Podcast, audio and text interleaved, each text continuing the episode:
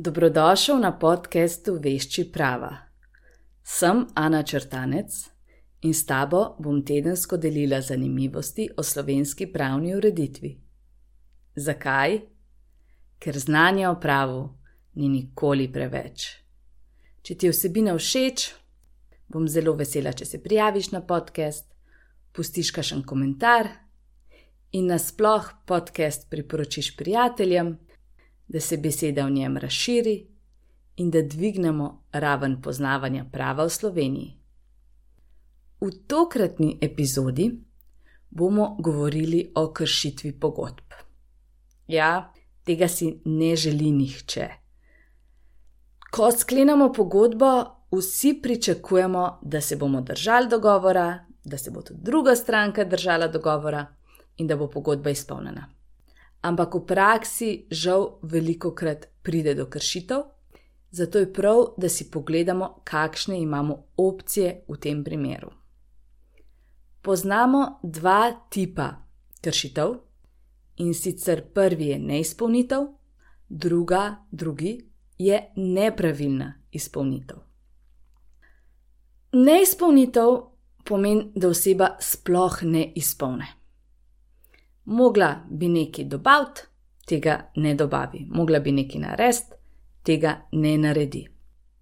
Posledica v takem primeru je, da mi lahko zahtevamo odstop od pogodbe, torej mi potem zahtevamo, da se pogodba razveže, in hkrati, če nam je zaradi tega nastala kakšna škoda, lahko zahtevamo povračilo škode. Druga opcija je pa, da rečemo, da hočemo, da se izpolni. Da rečemo, ne, ne, ne bomo mi pustili, da se pogodba razveže, mi želimo, da se ta pogodba izpolni, da druga stranka spoštuje dogovor in tudi v tem primeru potem smo upravičeni, ko se enkrat pogodba izpolni, do odškodnine, če nam je zaradi tega nastala kakšna škoda. Druga opcija je pa nepravilna izpolnitev. Torej, nekaj je stranka delala, ampak ni pa pravilno izpolnila. Tukaj imamo pa štiri primere. Prva je zamuda, stranka je izpolnila svojo pogodbeno obveznost, ampak kasneje, kot bi mogla, se veste, velikrat se zgodi, da, dosta, da vam dostavijo vem, televizor en teden, dva tedna kasneje, kot bi mogli. Druga opcija je, da izpolnejo, ampak z stvarno napako. Torej, stvar neki je pokvarjeno, um, mogoče ima stvar kakšne um, praske, torej oni so naredili, oni so dostavili, ampak žal z napako. Tretja opcija je, da je izpolnitev z pravno napako. Pravna napaka pomeni, da je stvar obremenjena z nečem, kar pomeni obremenjena, to najbolj lažje pomeni, da, naprimer, da nekdo nam je nekaj dostavil, ampak je nekdo drug lasnik. Ali pa nekdo drug ima še neke pravice na tej stvari, ki so nam jo dostavili. Če pogledamo, ne vem, primer ene slike, nekdo nam dostavi sliko, potem pa zvemo, da je samo polovični lasnik. Ja, torej, to bi bila pravna napaka.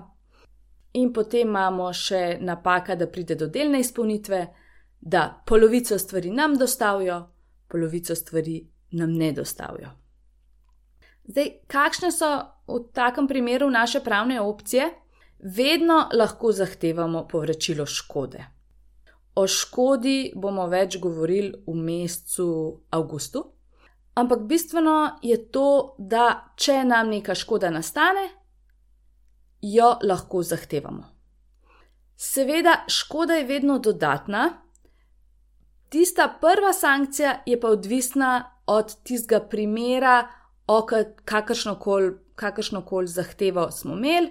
Zdaj, če smo imeli stvarno napako, pridejo poštejo jamčevalne sankcije, lahko ne vem, zahtevamo nov izdelek, lahko zahtevamo popravilo, lahko zahtevamo znižanje kupnine, v skrajnih primerjih tudi odstop od pogodbe, zdaj, če je bila pravna napaka, lahko zahtevamo razvezo pogodbe, um, lahko pač spet v določenem primeru lahko znižanje kupnine, spet vse je odvisno od konkretnega primera. In o tem nedvomno bomo še bolj podrobneje tudi spregovorili v enem od prihodnjih podkastov. Je pa torej vse odvisno od konkretnega primera.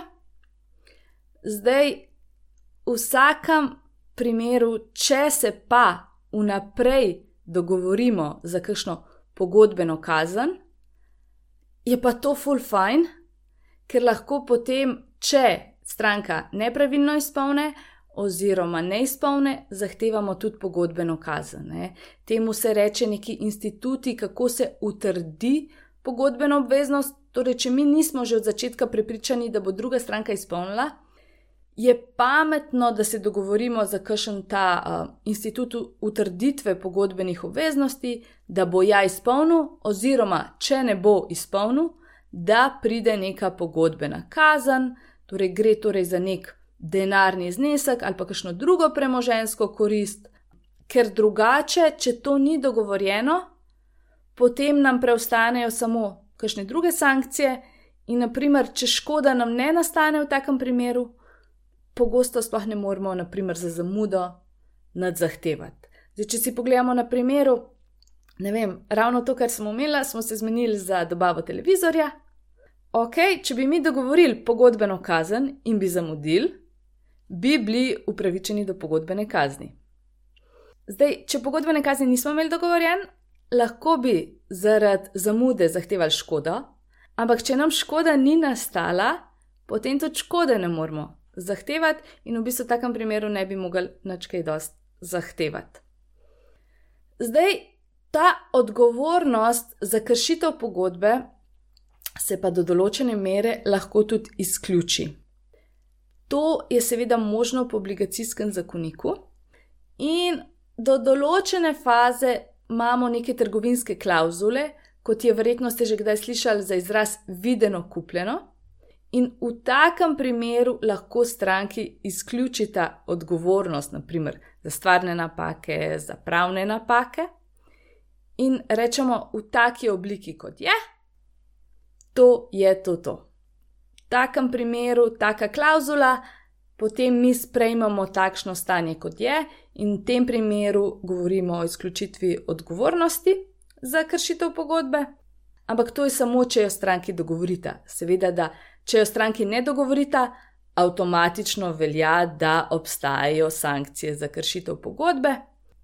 Morate biti pa zelo pazljivi, um, V določenih primerjih ta izključitev sploh ni možna, ne? po kakšnem zakonu o varstvu potrošnikov, ker smo potrošniki šipkejše stranke, um, sploh ni možna, pa tudi o tem potrošniškem pravu bomo govorili malo več, pa v mesecu septembru.